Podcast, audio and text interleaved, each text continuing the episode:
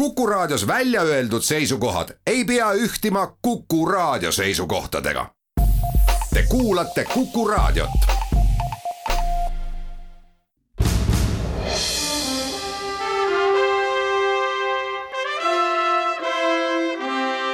vahetund Postimehega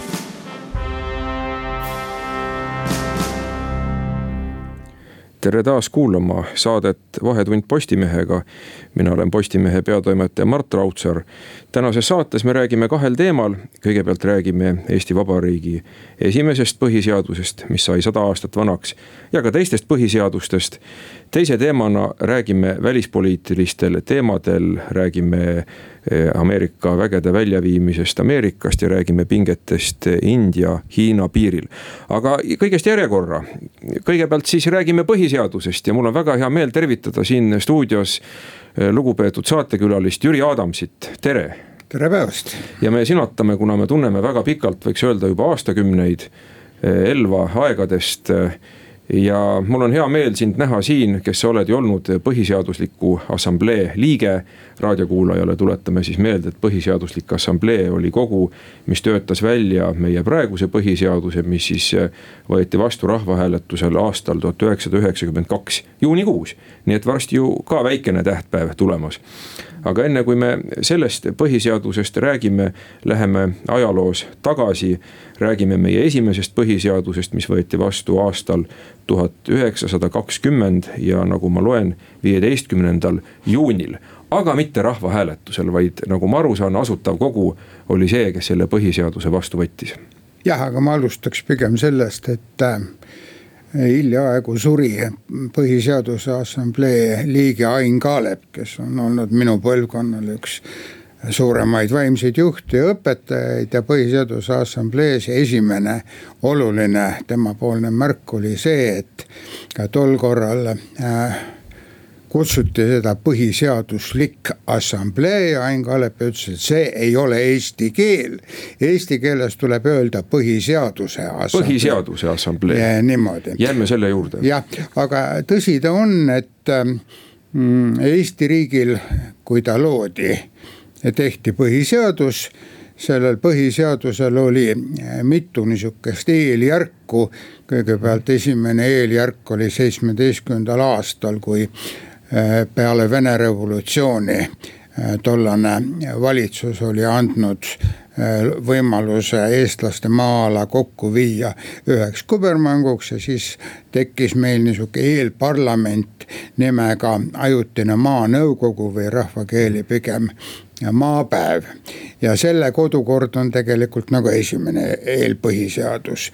siis kui Asutav Kogu kokku tuli, siis selle baasil tehti kihku-kähku nädala-kahega ajutine eh, põhiseadus, mis kehtis siis umbes eh, aasta. kahekümnenda aasta lõpuni sest nagu ma siit loen, siis see uus põhiseadus. ei, ei, see ajutine kehtis kuni selleni, mis sa ütlesid, viieteistkümnenda juunini, kui võeti vastu päris põhiseadus. okei okay,, aga Niimoodi, see päris põhiseadus vist hakkas jõus-, jõustus natukene hiljem. jah, see on tõsi, see jõu-, jah, sul on õigus põhimõtteliselt, et äh, jõustus ta kahekümnenda aasta detsembris, miks nii, seda ma, seda ma ei oska öelda. nüüd äh, rahva äh, ilma referendumiteta tol korral Äh, referendumi mõiste oli Eestis üsna tundmatu ja mitte kellelgi ei olnud üldse niisugust ideed, et seda on vaja teha. ja selle põhiseaduse üle ei olnud ka äh, mingisugust väga olulist vaidlust. nii et see hakkas siis kehtima ja, ja ta kehtis kuni kolmekümne neljanda aastani praktiliselt aga seal siis äh, juhtus üks niisugune veider asi, et äh, selle põhiseaduse äh, teatud puudused said õige varsti selgeks ja oleks vaja olnud hakata neid parandama.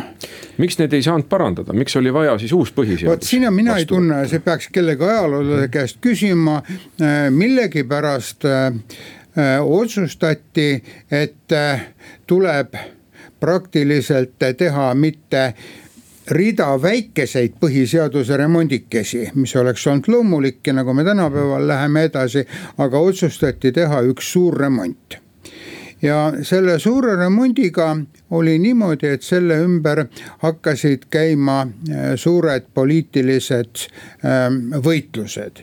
nimelt need äh, poliitilised jõud, kes tegid remondiplaani, need ütlesid rahvale, et nüüd tuleb referendumile see remondiplaan. Vaat kui hea see on ja vastased ütlesid selle peale, et see on kõige halvem asi, mis maailmas võib juhtuda.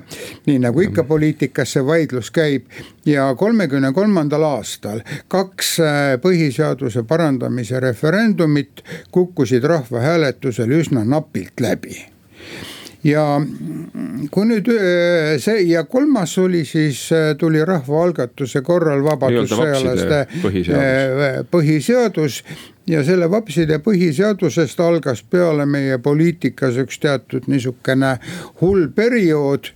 nimelt selle tolle kolmekümne kolmanda aasta kampaanias ähm, tehti Eesti rahvale selgeks, et kahekümnenda aasta põhiseadus olevat nii halb asi, et halvemat üldse olla ei saagi ja selle asemele tuleb teha midagi täiesti teistmoodi. nüüd, kuidas sellesse tagantjärgi äh, suhtuda, minu arvates see oli noh, ütleme leebelt öeldes oli see liialdatud. ja sellepärast, et Läti Vabariigil, meie lõunanaabril, kellel oli peaaegu identne põhiseadus meiega, kohati langeb sõna-sõnalt kokku ainuke oluline poliitiline erinevus oli see, et neil oli riigipea ja meil oli ilma riigipeata, niimoodi. väga parlamentaarne ja, oli. Läti Vabariigi põhiseadus kehtib praeguseni seesama põhiseadus. täpselt seesama põhiseadus kehtib praeguseni, teda on nüüd uuel iseseisvuse ajal üksjagu pikemaks kirjutatud uue aja vaimus. aga mm, kõik need jamad, mis meil olid kolmekümnendate aastate teisel poolel põhiseaduste ümber, jäid neil olemata ja teine asi, kui äh, tekkis võimalus Nõukogude Liidu alt vabaks saada, siis meil hakati kukalt kratsima, et kuidas nüüd ometi edasi minna, sest kolmekümne kaheksanda aasta põhiseadus ei olnud rakendatav tehnil-, kasvõi tehnilistel põhjustel. Aga lätlased jõustasid nii-ütelda ilma mõtlemata oma enne sõjaaegse põhiseaduse ja kõik, kõik suured võitlused Äh, mis meil olid, jäid neil täiesti olemata, nemad said kohe rahulikult hakata oma riiki taastama. miks me seda ei teinud, selle juurde saame tulla veel tagasi peale väikest reklaamipausi.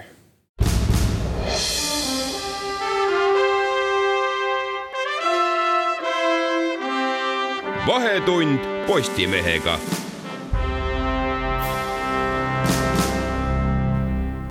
Tere tagasi, hea kuulaja, jätkame raadiosaadet et Vahetund Postimehega. Kõneleme Eesti Vabariigi põhiseadustest.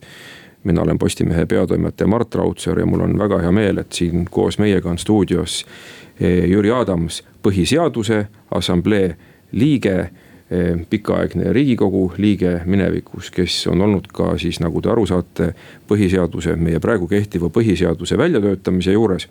aga enne reklaamipausi eh, saate osas me jõudsime sellise huvitava tõdemuseni, mida mina ei teadnud, et eh, kui me nüüd võrdleme lätlaste ja eestlaste kogemust viimase saja aasta jooksul, siis lätlased on sõitnud kogu see sada aastat ühe põhiseadusega, seda nüüd tõsi, peale iseseisvuse taastamist eh, modifitseerides, täiendades, pikendades. aga Eestil on olnud selle perioodi jooksul neli erinevat põhiseadust. ja me jäime selle juurde siis pidama, et mis selle kahekümnenda aasta põhiseadusega ühel hetkel viga oli, et miks teda taheti muuta no selle põhiline viga, mis oli tõsine viga, oli see, et kahekümnenda aasta põhiseaduses ei olnud ette nähtud riigipead. Et riigipeaks oli formaalselt ametis olev peaminister ja kuidas. teda kutsuti aru... riigivanemaks, kui ma ei eksi. ta kutsuti riigivanemaks, aga sisuliselt oli ta peaminister ja mm, kui me nüüd praegu vaatame, kuidas Eesti president töötab kasvõi praegu Kersti Kaljulaid, siis te näete, et äh, üheksakümmend protsenti tema tööst on sellised asjad, mis on hädavajalikud. Aga mida ühel peaministril iial ei ole aega teha, selles mõttes kõik see asi, et äh, nii-ütelda riigiisa, selle funktsioon või praegusel hetkel ütleme riigi ema siis, funktsioonid jäid, jäid täitmata. sellest saadi noh, vähemalt kahekümnenda aastate lõpuks saadi sellest aru ja jõuti selle juurde tagasi Äh, et seda tuleb teha, aga nagu ma ütlesin, see asi läks, äh, läks üsna teistmoodi tähendab, Eestis avastati üks niisugune asi, et põhiseaduse muutmine võib olla äh, võimuvõitluse ja võimule tõusmise instrumendiks. ja see on paraku, see arvamus on pühinud praegu siiamaani veel Lätis ja väga paljudes teistes riikides on nii-ütelda küsimus sellest, eh, kes ja kuidas tuleb võimule. ja põhiseaduse küsimus on omavahel lahus hoitud, aga Eestis on see, on see üks meie needusena on kogu aeg sassis olnud mm. -hmm ja selle tõttu siis me otsustasime, et meil on vaja uut põhiseadust, olid vaidlused, millest me rääkisime ka enne reklaamipausi tuli uus äh, põhiseadus ja lõpuks tuli siis see nii-öelda Pätsi põhiseadus, kus oli ju riigipeana president ette nähtud.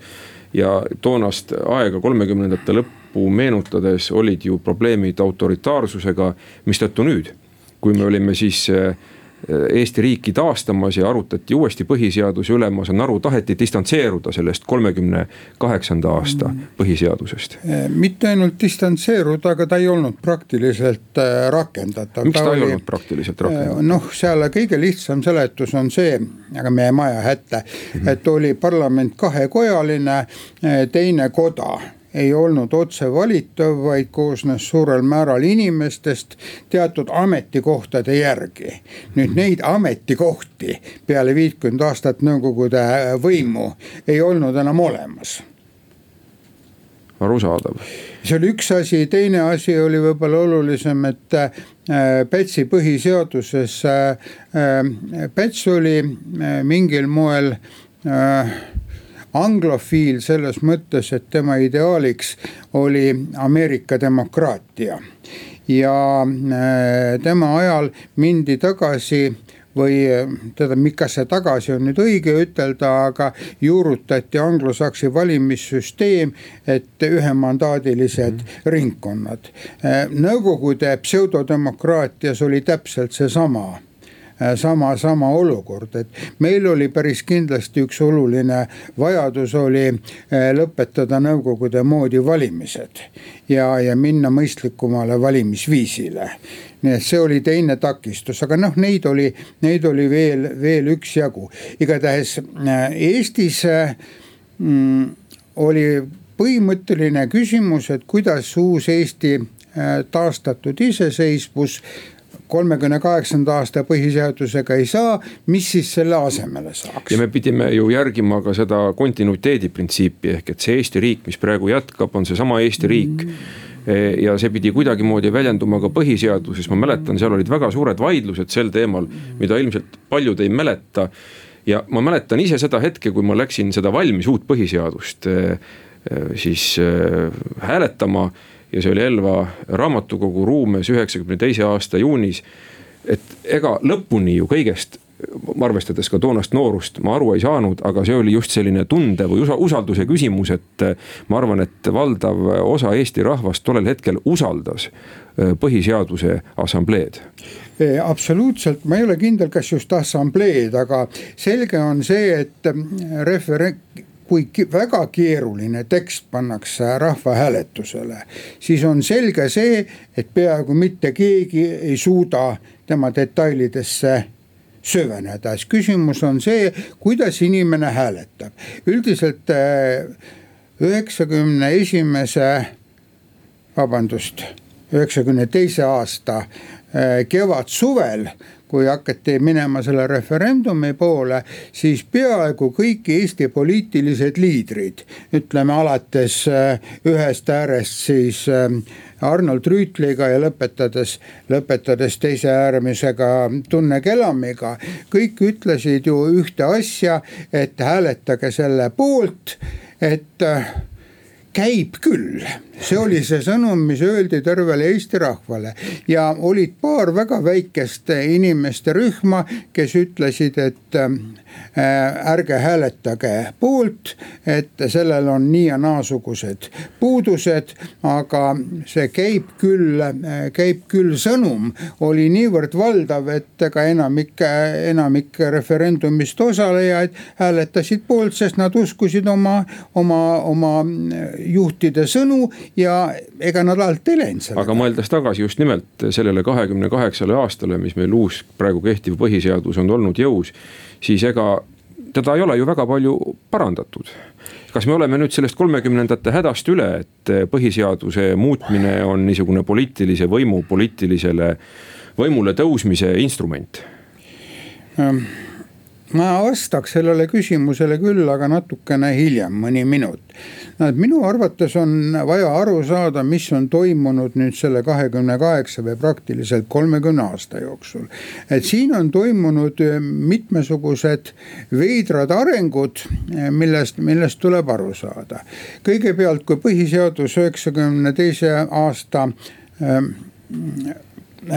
suvel vastu võeti, siis äh, enamik Eesti riigis tegutsevaid inimesi, organisatsioone ja asutusi hakkas Eesti riiki selle alusel üles ehitama. nüüd meil oli Eestis äh, üsna suur hulk mitmesuguseid äh, endast väga heal arvamusel olevaid juriste kes erinevatel põhjustel, aga põhiliselt sellel põhjusel, et nad ei olnud saanud Põhiseaduse Assamblee rongi peale õieti ühel või teisel põhjusel nad ei olnud õigel ajal löönud kaasa, jäid ilma või siis äh, nad üldse ärkasid sellele küsimusele, et põhiseadus on olemas ja sellega on vaja tegeleda suure hilinemisega. meil oli kõigepealt esimesed viis aastat oli selline niisugune mingil moel skisofreeniline olukord. et need, kes ehitasid riiki, need ehitasid riiki ja põhiseaduse teemal üldse ei rääkinud. aga äh, see vastaliste seltskond äh, kirjutas artikkel nädalas enam-vähem teemal, et see rahva poolt vastu võetud ja assamblee tehtud põhiseadus ei kõlba mitte kuhugi ja siis tekkis üks niisugune uue põhiseaduse vastu täielik negatiivne foon. et Eestis on juhtunud midagi väga halba. nüüd sellele järgnes üheksakümmend viis, üheksakümmend kuus Paul Varuli ajal eh, teatud eh, oli, töötas justiitsministeeriumis üks ekspertkomisjon. Ja selle ekspertkomisjoni hakkasid osalema tolleaegsed parimad noored juristid eesotsas Ülle Madisega, kes ei olnud, olid veel liiga noored omal ajal assamblee ajal. ja nende põlvkond leidis, et jutt sellest, et see põhiseadus on halb on rumal jutt siis eh, edasi arenesid nad niimoodi, et nad hakkasid seda põhiseadust kiitma peaaegu taevani. ja me olemegi selles olukorras, et nii-ütelda mustemast musta põhiseaduse asemel on meil vaata et kuldsemast kuldne, mis ei ole ka väga õige ja, ja detailne lähenemine. mulle tundub, et me peame tulevikus selle teema juurde veel tagasi tulema, aga praegu peame lõpetama, tulevad pooltunni uudised. aitäh, Jüri Adams ja mina siin Postimehe peatoimetaja Mart Raudsaar, jääge kuuldele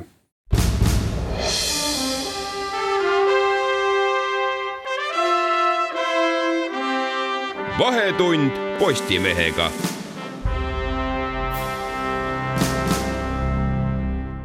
tere tagasi kuulama Vahetundi Postimehega, mina olen Postimehe peatoimetaja Mart Raudsaar. vahetame teemat, nüüd on stuudios Evelin Kaldoja, tere. tere. Postimehe välistoimetuse juht ja me räägime sellest, mis toimub praegu Euroopas Ameerika vägedega. aga enne kui ma selle teema juurde lähen, just eh, lugupeetud Jüri Adams, kes kõnelesime, kellega koos kõnelesime põhiseadusest siin stuudios enne lahkumist, ütles, et võib-olla tasub ka meelde tuletada ühte kuupäeva, kaheksakümmend aastat tagasi tulid Eestisse sisse siis Vene väed suuremas mahus, mis oli selline eelmäng okupatsioonile. aga see selleks, mainime ära lihtsalt sellise huvitava eh, kuupäeva ajaloos. ja nüüd me oleme olukorras, kus siis eh, Ameerika on Trumpi sõnul öelnud, et ta hakkab vägesid Saksamaalt välja viima, kas see reaalselt ka juhtub, seda me ju veel ei tea. aga see on väga trampilik eh, kasutada niisugust eh, pokkerimängija eh, võttestikku oma vastaste üllatamiseks või, ja mis siin salata, ka liitlaste survestamiseks, kuna ju tegelikult Saksamaa on kogu teise maailmasõja jooksul olnud väga usin ja hea liitlane lääneriikidele. Et miks ta seda teeb, kas see on see, et peksame omasid, et võõrad kardavad sellega, seda paralleeli on toodud, et see on kõige suurem kingitus üldse Venemaale. tegelikult me muidugi ei tea, mis üldse juhtuma hakkab, et kuulasin eile seoses sellenädalase NATO kaitseministrite kohtumisega, kus äh, siis täna õhtul ilmselt USA kaitseminister Mark Esper peab oma NATO kolleegidele hakkama selgitama oma ülemuse ehk siis president Trumpi sõnu, et mida ta täpselt mõtles. kuulasin eile sellega seoses pressibriifinguid ja USA suursaadik NATO juures, Gabe Lee Hutchison oli näha tal oli ka väga ebakindel tunne, et ta täpselt ei tea, mis juhtuma hakkab. väga palju oli väljendit, et nii palju, kui me teame, ehk siis äh, see on sündinud Trumpi peas ja mida Bill Hutchison rõhutas, oli esiteks see, et äh, mitte midagi pole veel plaanima hakatud. alles on antud Ameerika Ühendriikide siis väejuhatustele äh, palve, et nad vaataksid, kus on Euroopas kõige parem vägesid hoida, kuidas neid paigutada niimoodi, et see oleks kõige efektiivsem ja samuti rõhutas Bailey Hutchison seda, et sakslased on olnud väga head liitlased, nad on äh, väga suure panustamisega näiteks Afganistanis praegu, mis on kogu NATO-le ja ka ameeriklastele oluline. eestlasigi teenib, äh, Eesti demineerijad teenivad sakslaste väejuhatuse all Afganistanis ja nii edasi. ta loetles kõik need asjad, mida sakslased on hästi teinud tunnistas, et jah, sakslased võiksid ka siiski täita seda kaht protsenti SKT-st nõuet äh, kaitsekuludele. aga lisas, et sakslased ise saavad sellest ka aru, nende kaitseministrid on seda tunnistanud ja võib-olla vahele tasub ka märkida, et äh, selleaastaste nagu kaitsekulude analüüside kohaselt Saksa, Saksamaa omad on kõige kiiremini tõusnud tegelikult ja kuna sakslased ei ole tuumariik, siis see tähendab seda, et neil kõigeks muuks jätkub rohkem raha, sest riik, kellel on tuumarelv temal ikkagi kaitse-eelarvest sööks päris suure tüki ära selle, lihtsalt selle tuumarelva haldamine ja hooldamine, et. mis on omaette küllaltki suur kulu. jah, no täpselt. et, et, et ja Saksamaa on rikas riik, et noh, meie SKT protsent, me oleme ikkagi selline mitte veel maailma kõige rikkam riik, mis tähendab ja suhteliselt väikse rahvaarvuga riik, Saksamaa on suure rahvaarvuga Nii, rikas riik. see meie tubli kaitsekulutuste protsent üle kahe protsendi, me teame, me kulutame kaitsekulutusteks on absoluutnumbrites ju ikkagi suhteliselt eh, väike. väike number, täpselt. mistõttu me oleme hädas ju ka oma õhukaitse teemadega ja siin on räägitud eh, võib-olla vajadusest koostööd teha teiste Baltimaadega. aga see selleks, mida me teame praegu nende vägede võimaliku väljaviimise kohta, on see, et Poola on esinenud väga aktiivselt sooviga neid väljaviidavaid vägesid näha sissetoodavat Poola no see oleks, Poola tahab, Poola rõhutab samas ka seda, et nemad ükskõik äh, mis tingimustel nad kindlasti tahaksid USA vägesid juurde, mida tegelikult tahavad ka kõik Baltimaad. aga kui see nii juhtub, siis ju tegelikult ma küsin, kas see meie julgeolekut äh, heidutuse mõttes kuidagi halvendaks, kui tegelikult need väed, kes seni olid Saksamaal, nihkuksid meile ju lähemale Poola? see pole päris nii mehaaniline, asi on mm -hmm. selles, et Saksamaa on tegelikult USA nii Euroopa kui Lähis-Ida operatsioonide keskus. ehk siis need väed, mis on paigutatud Saksamaale, võivad ka täiesti vabalt roteeruda erinevates Euroopa piirkondades erinevatel õppustel, nagu nad praegu on roteerunud. et, et, et Saksamaa oleks nagu siiamaani on see kese olnud, kui jah kui Poola tuleb rohkem Ameerika vägesid, see on kindlasti meile kasulik. sest nad on ju meile lähemal, mis tähendab, et nad, kui peaks midagi halvasti minema, saaksid meile ka rutem appi tulla, aga. no nii nagu räägiti külma sõja ajal Fulda käpist, ehk siis see on selline koht, kus äh, oli väga raske kat-, takistada võimalikku Varssavi pakti vägede sissetungi Lääne-Saksamaale, me räägime sellisest äh, Suvalki maakitsusest, ehk see on see ala, kitsas maa-ala Kaliningradi oblasti juures, kus on ühine piir Leedul, Poolaga, see on nagu võtmekoht.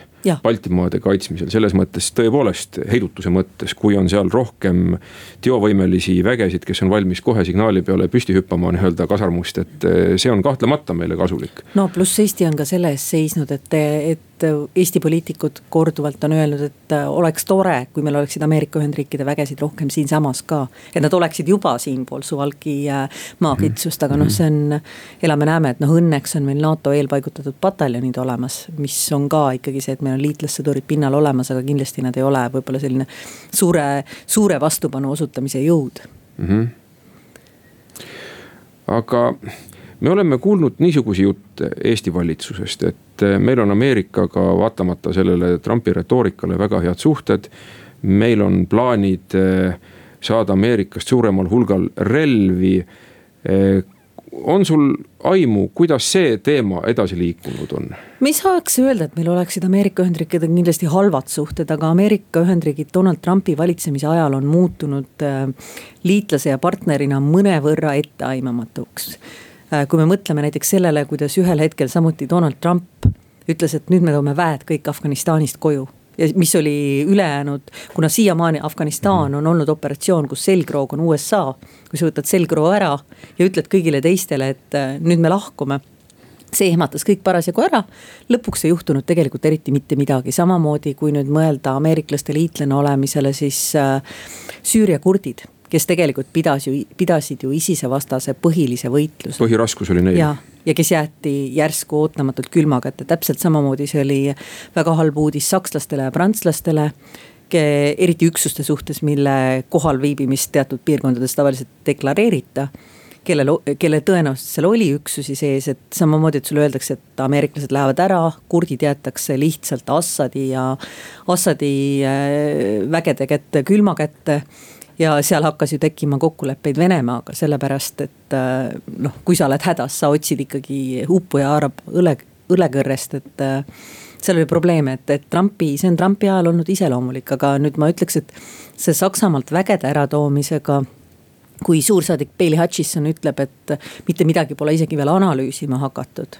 siis ma arvan, et ametnikud, kes tegelikult teavad, kuidas olud on siin, mis millest sõltub siis ma arvan, need ametnikud kõigepealt juba selle analüüsimisega venitavad omajagu ja seejärel, et midagi, mis selle analüüsi tulemus võiks olla, mida millalgi liigutama hakatakse, tegelikult pole mitte midagi juhtunud, aga muidugi retoorika on halb. probleem ongi selles, et äh, halvasti välja öeldud sõnad võivad Twitteris näiteks mitte üksnes äh, börse kukutada, vaid ajaloos tagasi mõeldes sellele, kuidas kukkus Berliini müür siis ju Berliini müür kukkus ka ühe Ida-Saksa ametniku pressikonverentsil halvasti välja mõeldud, välja mõeldud ja välja öeldud äh, sõnadest. kui oli küsimus, et kas äh, vastab tõele see, et võib vabalt piiri ületada, soris oma paberites mm. ametnik ütles midagi niisugust, et ja, ja et minu meelest see asi jõustub kohe. ja rahvamassid tungisid peale seda piirile ja piirivalvurid ei tulistanud neid ja kõik see asi väljus täielikult kontrolli alt no,. nii et äh, selline halvasti sõnastatud mõte võib ühel hetkel vallandada protsessid, mida ei ole enam võimalik ohjata. eriti kui me arvestame, et meist itta jääb äh, režiim äh, ja liider, kes on väga oportunistlik. kui talle tundub, et tal on see võimalus -hmm. siis ta proovib, ta proovib hammast, et nagu ta on proovinud hammast Gruusias, ta on proovinud hammast Ukrainas, et. et ilmselgelt sõnumid peaksid olema väga konkreetsed ja selged, et äh, ei tasu proovida meie maailm muutub väiksemaks, nii et meile lähevad kindlasti korda ka sündmused Aasias, millest me räägime peale väikest reklaamipausi, nii et jääge meiega.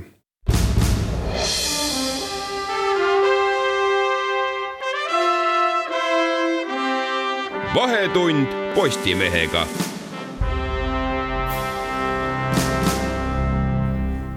tere tagasi kuulama saadet Vahetund Postimehega. mina olen Postimehe peatoimetaja Mart Raudsaar ja koos minuga on siin stuudios Postimehe välistoimetuse juhataja Evelin Kaldoja.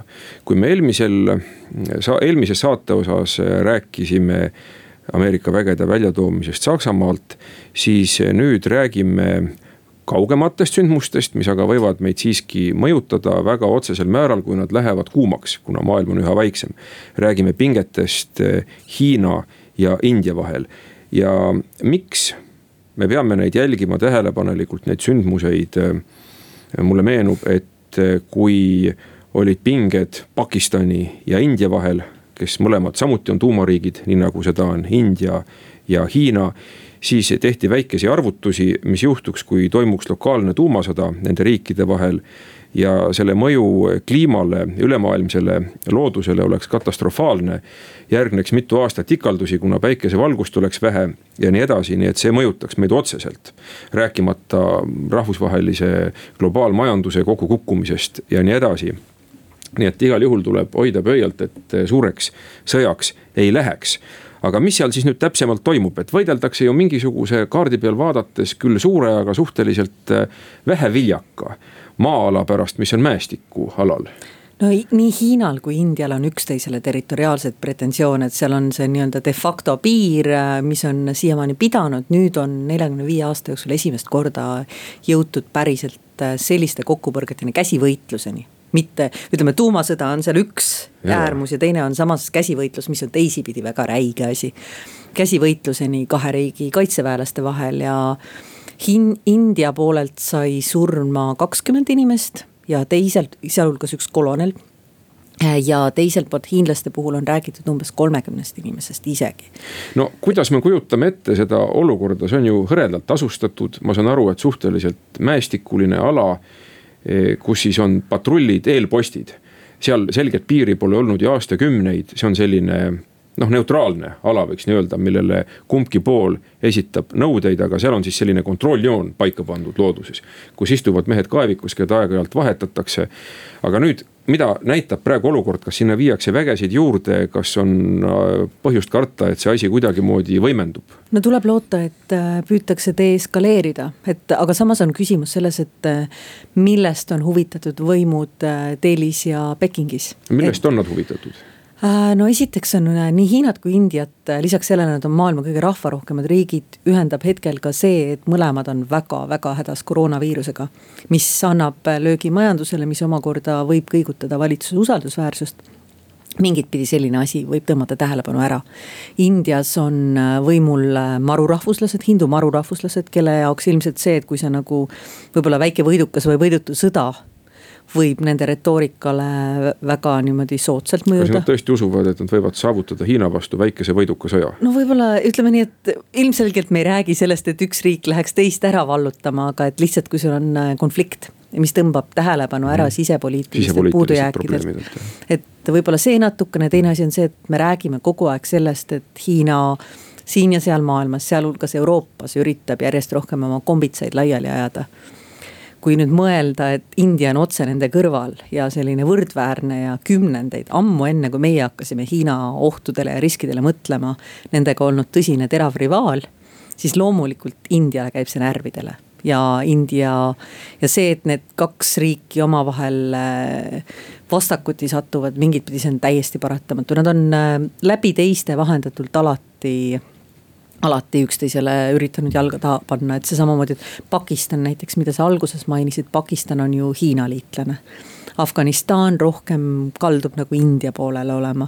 ma kunagi mäletan, et äh,. Bangladesh mis oli kunagi Pakistani osa, Ida-Pakistani nime all. siis tuleb maleruut, on ju, et Bangladesh läheb rohkem nagu India poole mm. -hmm. et nii palju, kui ma, ma ütleme, loodan, et ma siin ei lähe nüüd Aasia poliitikaga liiga suure pintsliga tõmbama, et, et, et see on natukene riskantne ala, aga ma mäletan seda, kuidas äh, aastaid tagasi Kabulis Euroopa Euroopa Liidu esinduse inimestega rääkides. Nad ütlesid, nende põhiline riskifaktor seal on see, et nende maja kõrval on India saatkond mille vastu korraldab, korraldatakse pommirünnakuid, ehk siis omakorda need Afganistani islamistid. Taliban, kes on seotud Pakistaniga väga mõnuga ründasid äh, India saatkonda, et need kõik asjad on omavahel nagu seal niimoodi oma Aasia ja seostes, et mingid asjad, mida me võib-olla nii palju, me ei taju, sest me vaatame seda, mis meile kõige lähemal on, me näeme sealt suurt Venemaad ja ega me. nüüd on üks probleem ju veel, see on see, et me oleme nüüd julgeolekunõukogus. väike Eesti on ÜRO julgeolekunõukogus ja kui algab seal selline suuremat sorti madin või ka väiksemat sorti madin.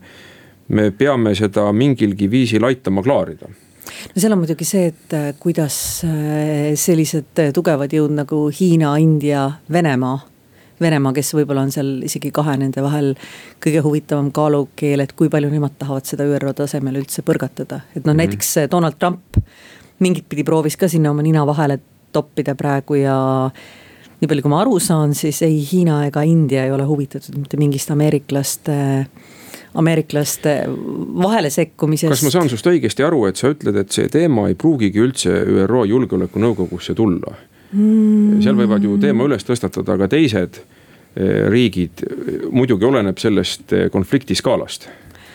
ma arvan, et eh, ütleme, tuleb üldse vaadata, no kõige lihtsam võib-olla nendel on see, et kui nad hakkavad vot raske öelda, mis toimub nii Pekingi kui New Delhi inimeste peades. et äh, kas nad ürita-, kas nende huvi on nüüd see deeskaleerida ära, jälle maha rahustada. või siis äh, rohkem teravusi vahetada, kus äh, areenil nad neid teravusi tahavad vahetada, et ma arvan, et see sõltub hästi palju sellest, need, need kaks riiki on suuremad ja tugevamad kui keegi meist, nad tunduvad meile kaugel, sellepärast me ei taju nende jõudu ja massi. aga nad on nii suured, et äh, võib-olla nende huvides polegi see, et mingisugused siuksed väiksed kalad seal veel ümber ujuksid, et, et, et, et see saab olema huvitav ja see on kindlasti tõsine areng, millel tuleb silma peal hoida, nagu sa ka juba alguses ütlesid. kuidas käitub Pakistan praegu? kas nad hakkavad nii-öelda kalastama oma šanssi olukorras kasutama, kus on näha, et et eh, Hiinal on ka Indiaga kana kitkuda? no Pakistan ja Hiina, nagu ma ütlesin, nad on ikkagi liitlased omavahel, et eh, nad on liitlased, aga see sõltub nüüd sellest, eh, mida Pakistani, mida Pakistani omavõimud, mis on nende huvides, sest nende praegune liider, noh. Khan ei ole võib-olla nii selline, ütleme, ta ei ole, ta ei ole sama tüüpi, mis on nagu härra Modi India ees, et, et. et ta, et ta, ta ta ta tundub natukene selline mõõdukamat stiili liider, et, et loomulikult on Pakistanil tugevad huvid, Pakistan on riik, kus sõjavägi ja igasugused luureteenistused on väga tugeva mõjuvõimuga. et, et eks näis, võib-olla ka nendel on see, et kui need kaks suurt nüüd omavahel on, tegutsevad, siis teistel jällegi on äh, aega oma asju, oma atra seada nagu teisipidi, et, et elame-näeme. no kõige parem oleks jah, kui see asi kuidagi ikka nüüd maha rahustataks. aga mida tänahommikused uudised ütlesid, et kas me näeme, et see olukord pigem jahtub, rahuneb või ikkagi läheb veel edasi mõnda no, aega? praegu igatahes mingit rahunemisjuttu veel ei ole või see, et nagu on leitud midagi, need uudised, mis mina nägin, seal ei räägita sellest, et on nüüd nagu jälle leitud mingi konstruktiivne lahendus, et. et elame-näeme, et need on, ma ütlen, et mõle, mõlema riigi puhul äh, seal võib olla ka huvi võib-olla tähelepanu ära juhtida. seesama koroonaviirus näiteks ühe hetke ma lähen korraks tagasi ajaloosse ja meenutan seda, et kui tulid siis Vene väed Eestisse, see oli seotud eh, Pariisi vallutamisega, maailma tähelepanu oli mujal. Saksamaa oli jagu saanud Prantsusmaast, teisest maailmasõjast käib jutt. ja nüüd, kui peaks olema mingisugune suurem relvakonflikt maailmas, siis kahtlemata nii nagu me saate eelmises osas leidsime, et Venemaa liider võib käituda oportunistina ei ole see meile kindlasti mitte kasulik, kui on kusagil suurem konflikt, millele maailma tähelepanu on suunatud et ikkagi ma tulen korraks tagasi selle Eesti juurde, aga võib-olla mitte Eesti poliitika, välispoliitika juurde, mitte nüüd julgeolekunõukogu võtmes, aga. mida me peaksime tegema selles olukorras praegu? no ma arvan, et meil on, meie ainsad valikud on ikkagi seal, kuhu me oleme oma põhikaardid pannud, et meie valikud on NATO-s, meie valikud on Euroopa Liidus äh, NATO puhul noh, kuna, kuna kõigi meie jaoks on ikkagi Hiina ja India, kes ilmselgelt vist ei taha ka nagu, et mingisugust tegemist teha NATO-ga, kes kumbki ei ole partner, on ju mm. -hmm. et äh, nende tähelepanu on üksteisele, et meie tähelepanu on iseendal tegelikult ja, ja see. ja Venemaa küsimust ka täna arutatakse taas, sest Venemaal on ju erinevaid uusi tuumarakette, millega, mis on peavaluks. ehk siis NATO tegeleb praegu Venemaa küsimusega väga palju, nagu ta tegeleb ka koroonaviiruse küsimusega, mis muide. ka koroonaviirus tegelikult on ju tähelepanu ärajuhtija olnud et ta võtab ka mingisugust sellist äh, ressurssi ja ta paneb äh, paljud probleemi ette, et kas sa näiteks tood väed äh, kiiresti kuhugi sisse mm, -hmm. kui sul mhm. on risk, et nad nende inimeste seas võib väga kiiresti hakata levima selline suhteliselt raske haigus, et, et seis on segane, aga praegu mulle tundub, et nad nagu Euroopa, Euroopa tegeleb oma Euroopa asjadega ja nad ei noh, võib-olla ei ole jaksu, võib-olla ei ole ka seda, ameeriklaste huvi kindlasti Aasias toimuvast on suurem, et kui me vaatame, seal on veel nagu. Koread omavahel on äh, teravaks jälle läinud. kus lasti õhku Info, koostööhoone, infobüroo või kuidas nad nimetasid põhimõtteliselt nagu infobüroo oli selle asja nagu noh. siis Põhja-Korea poolel oli selline maja, mis õhku lasti et mis oli ka suhteliselt selline nagu et et, et sa täpselt ei saa aru, et nagu okei okay,, et, et, et äh, Põhja-Korea muidugi ongi selline isevärki režiim ja mulle tundub, et nende heidutus omakorda ongi see, et nad lihtsalt jätavad mulje, et nad on täiesti segased. noh, mingit pidi nad ongi täiesti segased, mingit pidi nad nagu ka, ma arvan, et nende kaitse on ehitatud sellele, et äh, neid kardetakse, sest on, ei ole iial teada, mida nad teevad, nende repertuaaris on selliseid äh, laule, mida nagu keegi teine laulda ei oska või ei tulegi selle peale, et korraldada, et, et ma arvan, et Põhja-Koreal ju seal on nende vahel on võib-olla rohkem tõenäosust, et see kuidagi äh, Jaa. Aasia jõujooned. aga mulle tundub, et meie seda endale lubada ei saa, ehk siis meie välispoliitika peab olema ikkagi väärtustepõhine ja selline ettemääratav ja me peame olema kindlad partnerid oma liitlastele, aga selle teema juurde kindlasti me saame tulevikus veel tagasi tulla. aitäh, Evelin, Postimehe välisuudiste osakonna juhataja selle huvitava vestluse eest. lõpetame tänaseks saate Vahetund Postimehega. mina olen Postimehe peatoimetaja Mart Raudsaar. kuulake meid taas nädala pärast, kõike head.